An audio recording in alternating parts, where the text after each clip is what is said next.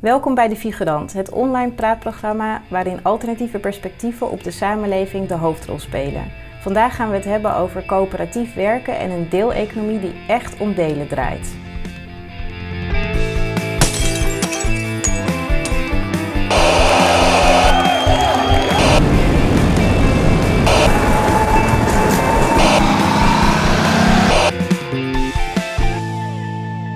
Sinds de economische crisis lijkt er weinig veranderd te zijn. Er zijn nog steeds torenhoge bonussen voor CEO's. Multinationals hebben nog steeds enorm veel politieke invloed. En de inkomensongelijkheid groeit in rap tempo. Tegelijkertijd ontstaan er ook allerlei initiatieven die anders omgaan met winst en horizontaal zijn georganiseerd. Ik praat hier met drie gasten over hoe een echte deeleconomie in de praktijk kan worden gebracht. Hoe kunnen we toewerken naar een economisch model wat echt een einde gaat maken aan bestaande ongelijkheid en onzekerheid? Um, ik wil jullie eerst even de kans geven om jullie zelf voor te stellen. Joke van der Schoor, jij hebt Help Gewoon opgericht. Wat voor organisatie is dat? Uh, Help Gewoon is een netwerk van werknemerscoöperaties. En uh, werknemerscoöperaties zijn kleine organisaties, kleine bedrijven, waarbij de leden zowel eigenaar zijn van de coöperatie als werknemer. Dus ze staan op de loonlijst, maar bepalen met elkaar hoe, wat zij doen met de coöperatie, bepalen de koers.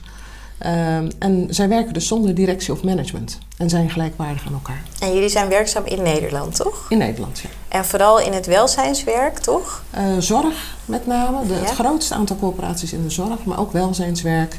En inmiddels ook uh, uh, voor mensen met afstand tot de arbeidsmarkt. Oké. Okay. Peter Bosmans, jij werkt bij VB Coop in Vlaanderen, toch? Wat, ja. Waar zijn jullie mee bezig? Uh, wij zijn bezig met het promoten van het coöperatieve model. We doen dat op drie manieren. We hebben zelf een adviesbureau. We hebben een expertisecentrum waar we proactief thema's ontwikkelen. En dan proberen we ook nog de verschillende overheden te motiveren om te werken aan de versterking van het coöperatieve model. Oké. Okay. Uh, Koen Hagens, jij bent journalist en politicoloog en je hebt een boek geschreven over de vrije markt. Kan je daar iets meer over vertellen?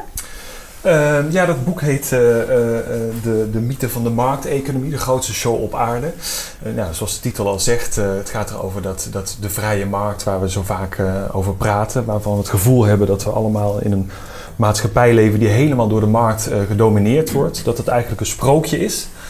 Um, dat die economie er in het echt heel anders uitziet en dat die markt eigenlijk ook helemaal niet zo dominant is en al helemaal niet vrij is, zoals altijd gezegd wordt. Ja, veel meer regulering achter de schermen dan we misschien wel denken, toch? Ja, zeker. Ja. Uh, daar gaan we straks nog op terugkomen. Um, Joke, ik wil eerst eens van jou horen, waarom ben jij zelf begonnen met een coöperatie? Want Help Gewoon is ook coöperatief uh, opgericht, toch? Ja, klopt.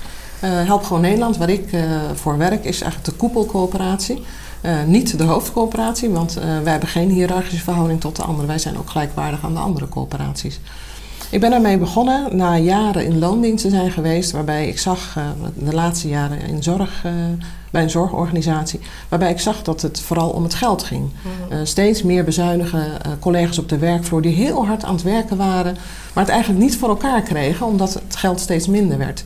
Um, en toen dacht ik, ja, dat moet anders kunnen. Uh, toen ben ik benaderd uh, om een coöperatie te starten in de zorg. Want zij zeiden, je hebt een zorgachtergrond, die behoefte is heel groot bij uh, zorgmensen -huh. om zelf een coöperatie te starten. Wil jij helpen? Dus ik ben gestart met de eerste coöperatie in de jeugdzorg. dat was een gemeente die dat aandurfde. En zei, wij kennen een aantal kanjers en die willen we heel graag in een werknemerscoöperatie hebben. Wil jij met, dat met hun gaan doen? En dat is ook gelukt. 1 januari 2015 uh, vier dames die een coöperatie zijn gestart. Inmiddels uh, zes mensen die met elkaar die coöperatie draaien. En dat waren jongere werkers? Ja, dus uh, jeugdzorg ja. ging van de provincie naar de gemeente. De gemeente moest, iets aan, moest aan de slag met jeugdzorg. En zij zeiden, we gaan niet eerst twee jaar bedenken hoe het moet. Start maar met de uitvoering. Dus dat vind ik nog steeds heel stoer van deze gemeente. Gewoon starten en we bedenken samen gaandeweg het beleid. Ja. En dat is ook het mooie. Deze mensen werden echt als zelfstandige professionals gezien. Zij weten ja. hoe het moet. En wij als gemeente gaan dat niet dicteren aan ze. Ja. En dat is dus zo heel organisch ontstaan. Ja. En wat ik zag is, die mensen kwamen binnen, kwamen vanuit uh, loondienst, vanuit grote organisaties. Vroeg aan het begin aan mij van, mag ik dit, mag ik dat? Zeg ik, ja, maar het is jullie bedrijf. En na acht weken zie je dat die mensen in hun kracht gaan staan en denken, het is ons bedrijf en we gaan ervoor. Dus dat gebeurt heel snel. Want mensen het weer oppakken en denken, ja, wij mogen blijkbaar zo werken, nou gaan we het doen ook. Ja. Nou, inmiddels draaien zij eh, voor het derde jaar en gaan steeds verder ontwikkelen. En het mooie is dat de gemeente ook zegt van ja, zij zijn zelfstandige professionals en laat ook zien dat ze het kunnen. En eigenlijk helemaal geen leiding nodig hebben. En wat is er veranderd voor hun in hun alledaagse werkpraktijk sinds ze dus in die coöperatie werken? Er was één uh, jeugdzorger die zei toen ik startte, en zij was al wat ouder, uh, die zei van nou toen ik startte mocht ik alles doen. Gaandeweg is dat stukje bij beetje, zijn er taakjes weggenomen en werd dat naar financiën of communicatie of beleidsmedewerkers gegaan.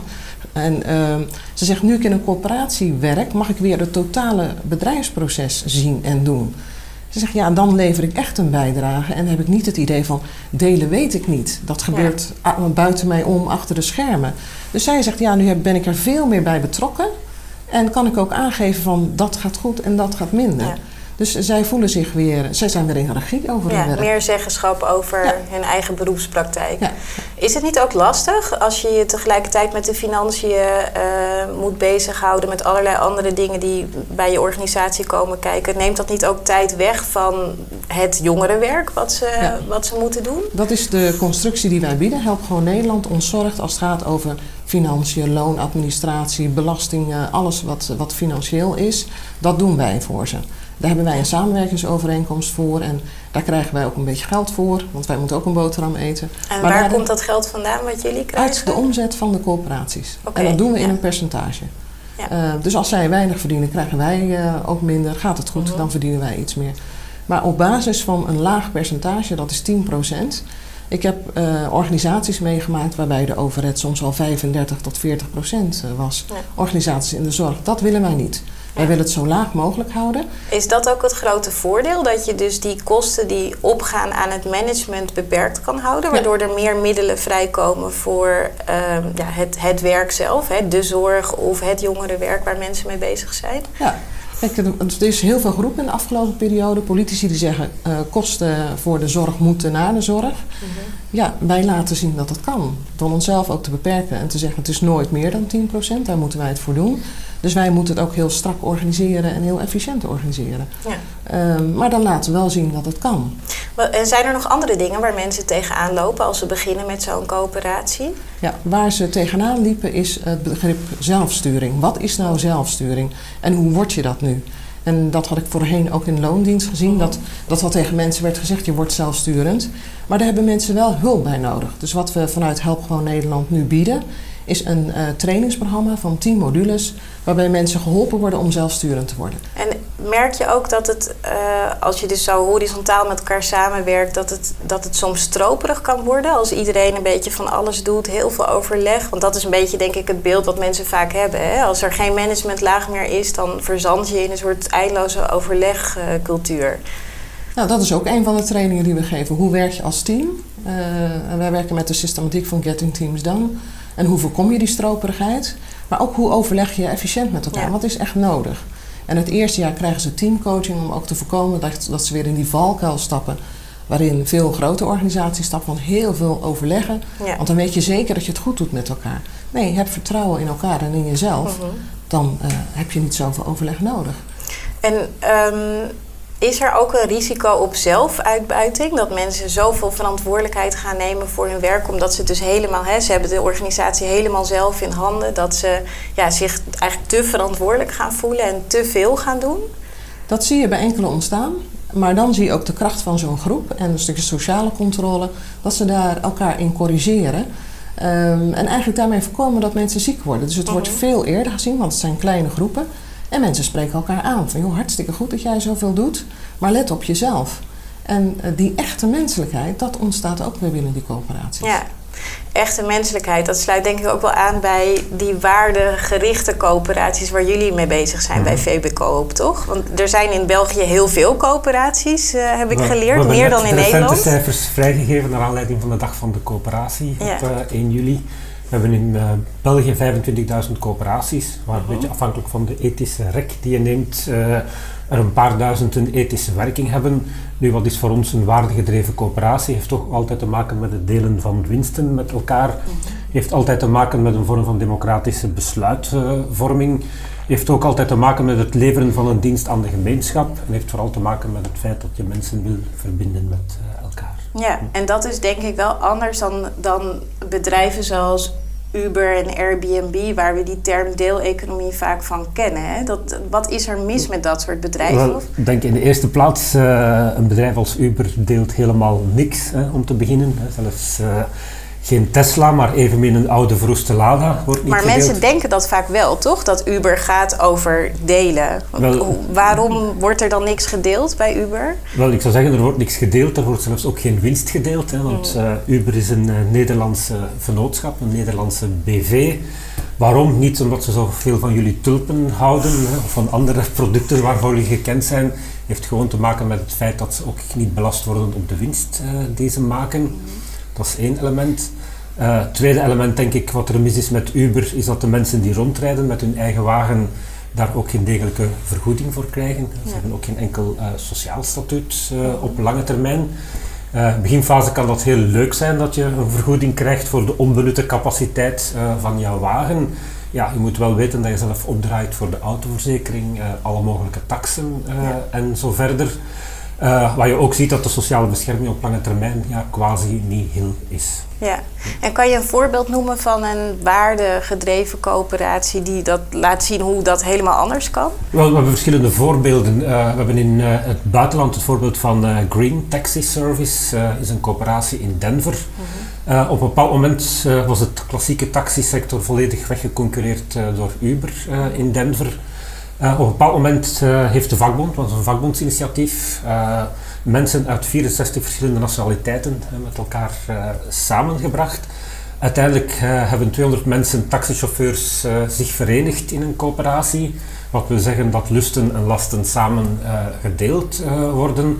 En op twee jaar tijd hadden ze 35% van de uh, markt in Denver in handen. En hoe lukt het nou om dan zo, toch zo'n groot marktaandeel zeg maar, te veroveren? 35% had je net over. Ik denk dan, ja, zo'n Uber, dat is zo'n megabedrijf.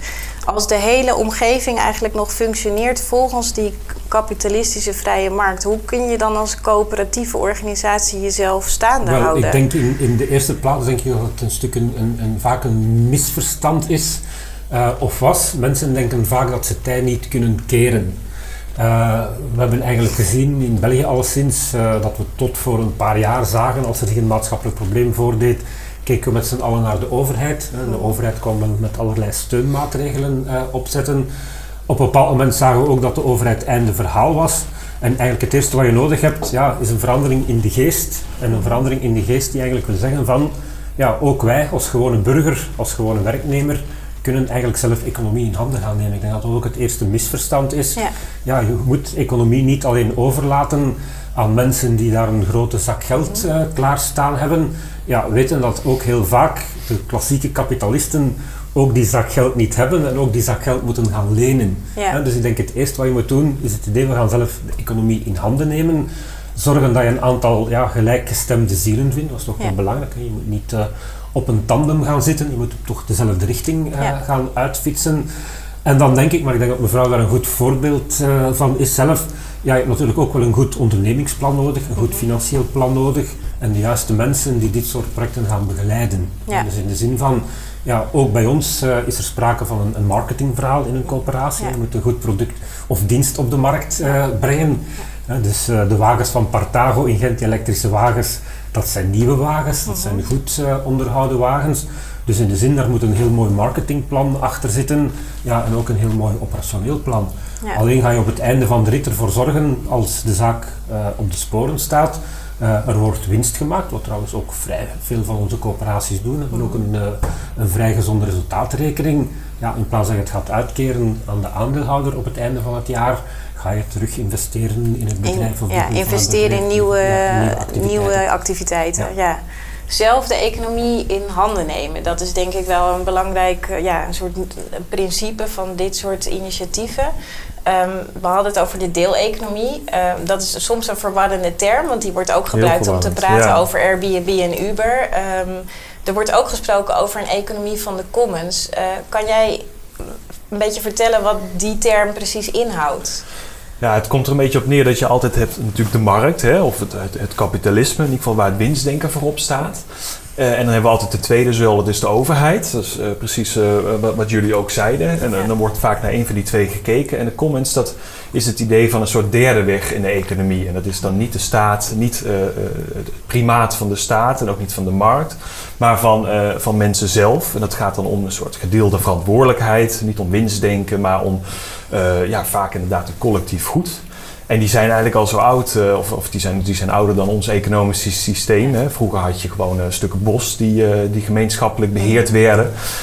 Wat, wat nou niet zo makkelijk is, want er moet niet één iemand zijn die denkt van ik, ik kap het halve bos en ik verkoop het en ja. ik ben rijk. Dus er komt heel veel regel bij kijken ja. en ook regels. Het is niet een soort regeloze ruimte.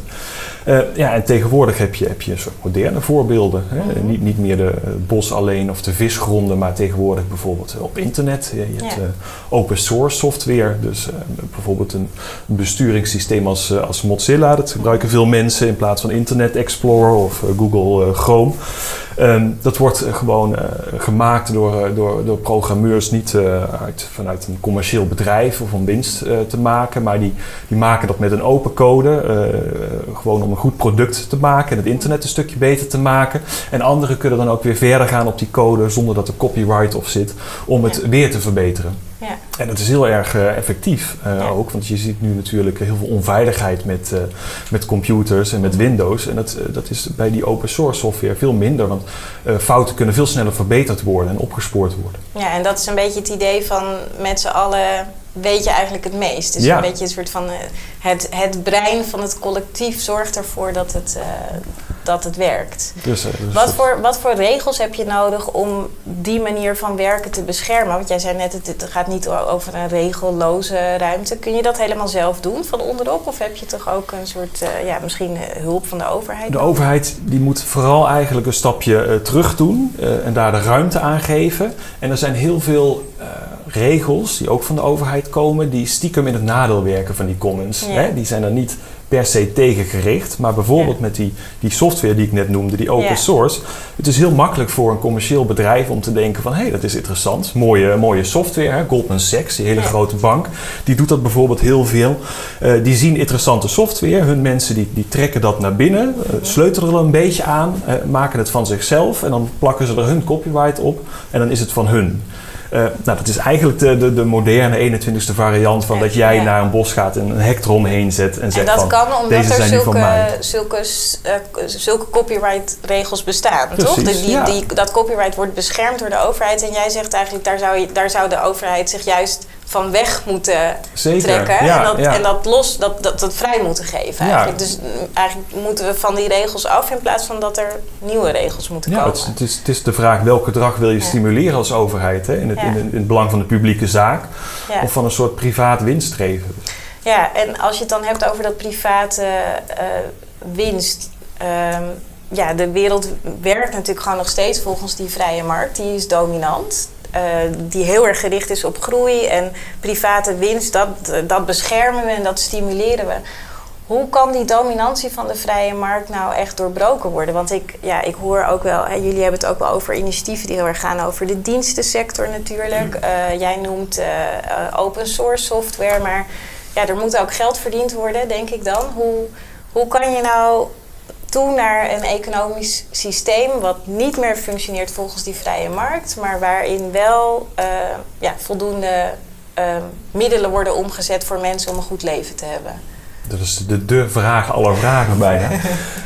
nou, wat in ieder geval een heel goed begin is, is om eh, eh, te stoppen, ook als, als, als ook wat, wat progressieve mensen doen. Eigenlijk gebeurt dat van links tot rechts. Het idee dat we helemaal in een door de markt gedomineerde samenleving wonen.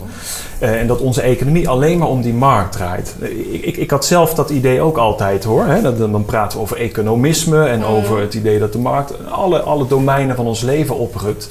Maar als je beter gaat kijken, dan zie je ten eerste dat hè, wat, wat de markt is, die functioneert heel anders. Met heel veel bemoeienis. En dat is echt niet een soort spontaan eh, mechanisme dat zijn werk doet.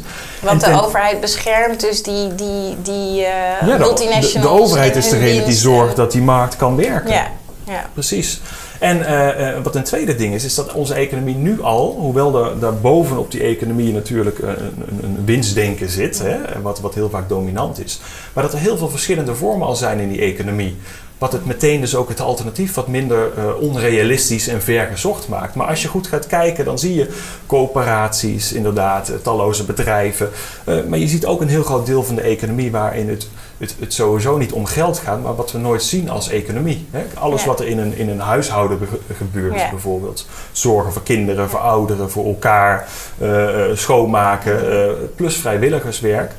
Um, daar wordt ook allemaal iets geproduceerd, daar wordt gewerkt. Alleen we zien het niet als economie, omdat er geen geldbedrag aan vastzit. Maar als je nou echt zou gaan kijken van hoeveel tijd brengen we door in die economie, dan is dat uh, in ieder geval in Nederland is dat 45% van de totale economie. Die dus in die niet-markteconomie zit.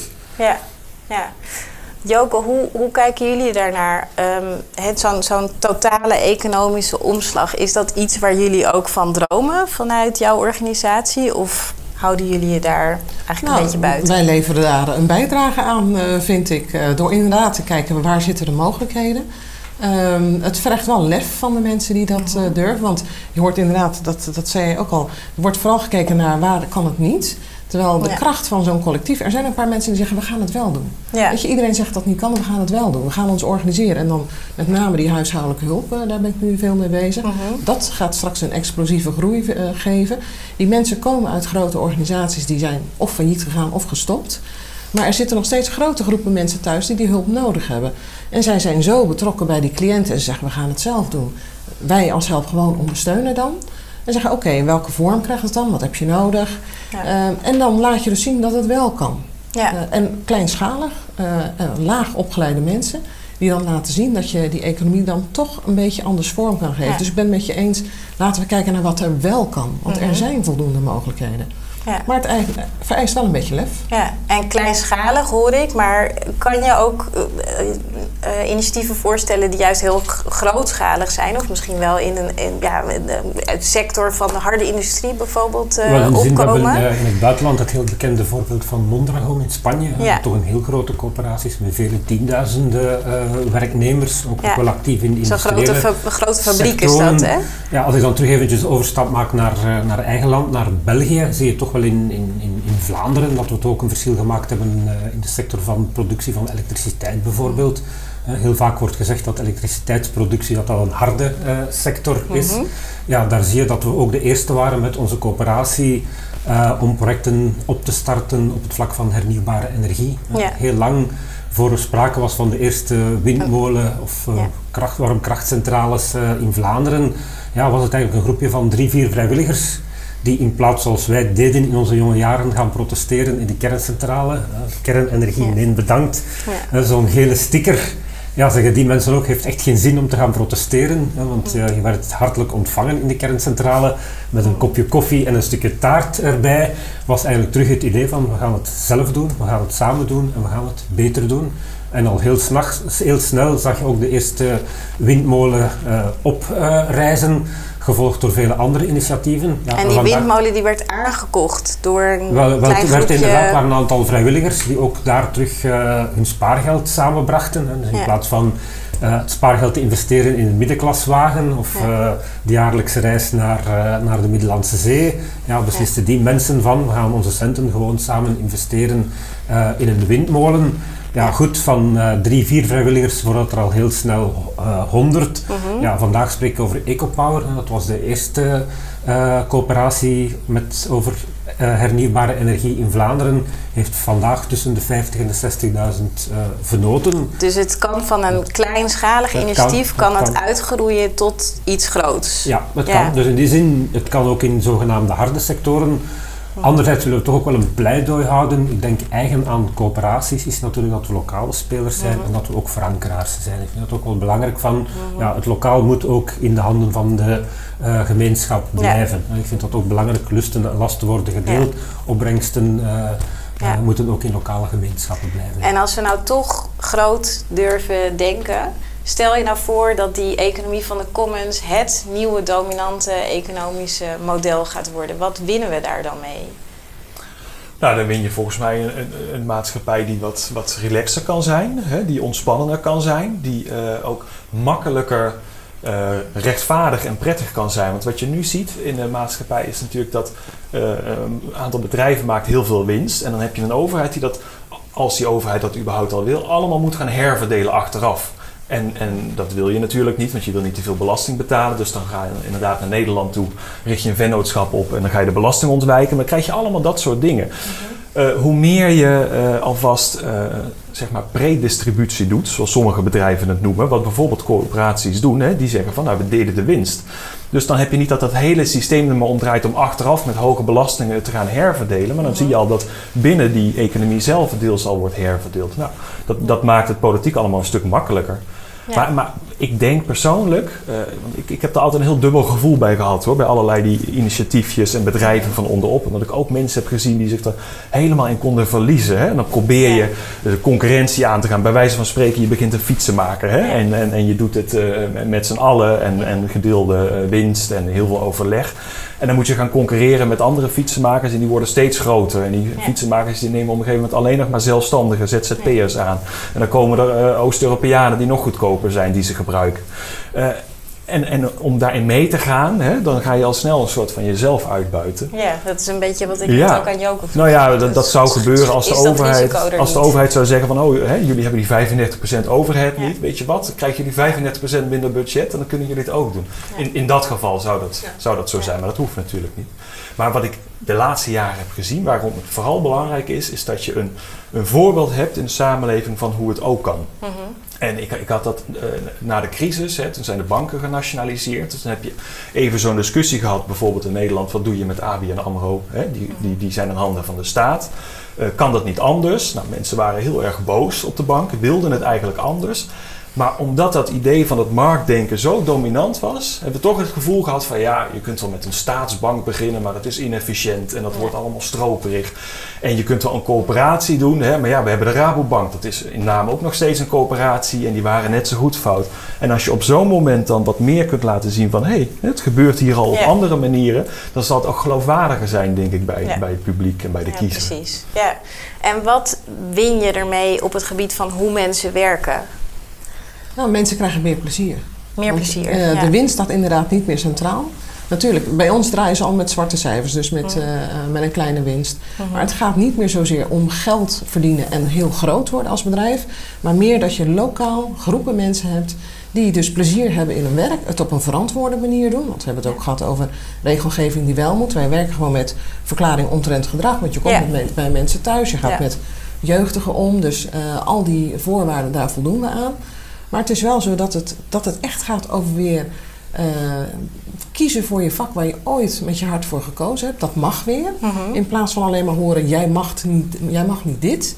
Zeg hij, kijk nou naar wat er wel kan. Ja. En dan zie je dat die mensen dus weer lol krijgen. Zeg, ja, dit is het vak waar ik ooit voor gekozen heb. En nu krijg, uh, krijg ik het plezier weer terug. Ja, ja. zie jij dat ook, uh, Peter, in, uh, bij de coöperaties waar Wel, jij we mee zien werkt? inderdaad, uh, ja, je hebt het verhaal, leven mensen om te werken of werken mensen uh, om te leven. Ja. Dus daar ja, vinden we het ook een stukje dat het goed is dat je de samenleving terug in de economie brengt en Ja. de economie in de samenleving brengt. Ja. Ik heb daar straks verwezen naar ja, hoe leven gezinnen met elkaar. Mhm. Ja, de oorspronkelijke term van economie is een Grieks leenwoord, economia. En wat is economia? Regels voor het goede huishouden. Hè. Hoe gaan we rationeel in met schaarse hulpbronnen? Ja, daar gaat een stukje uh, economie over.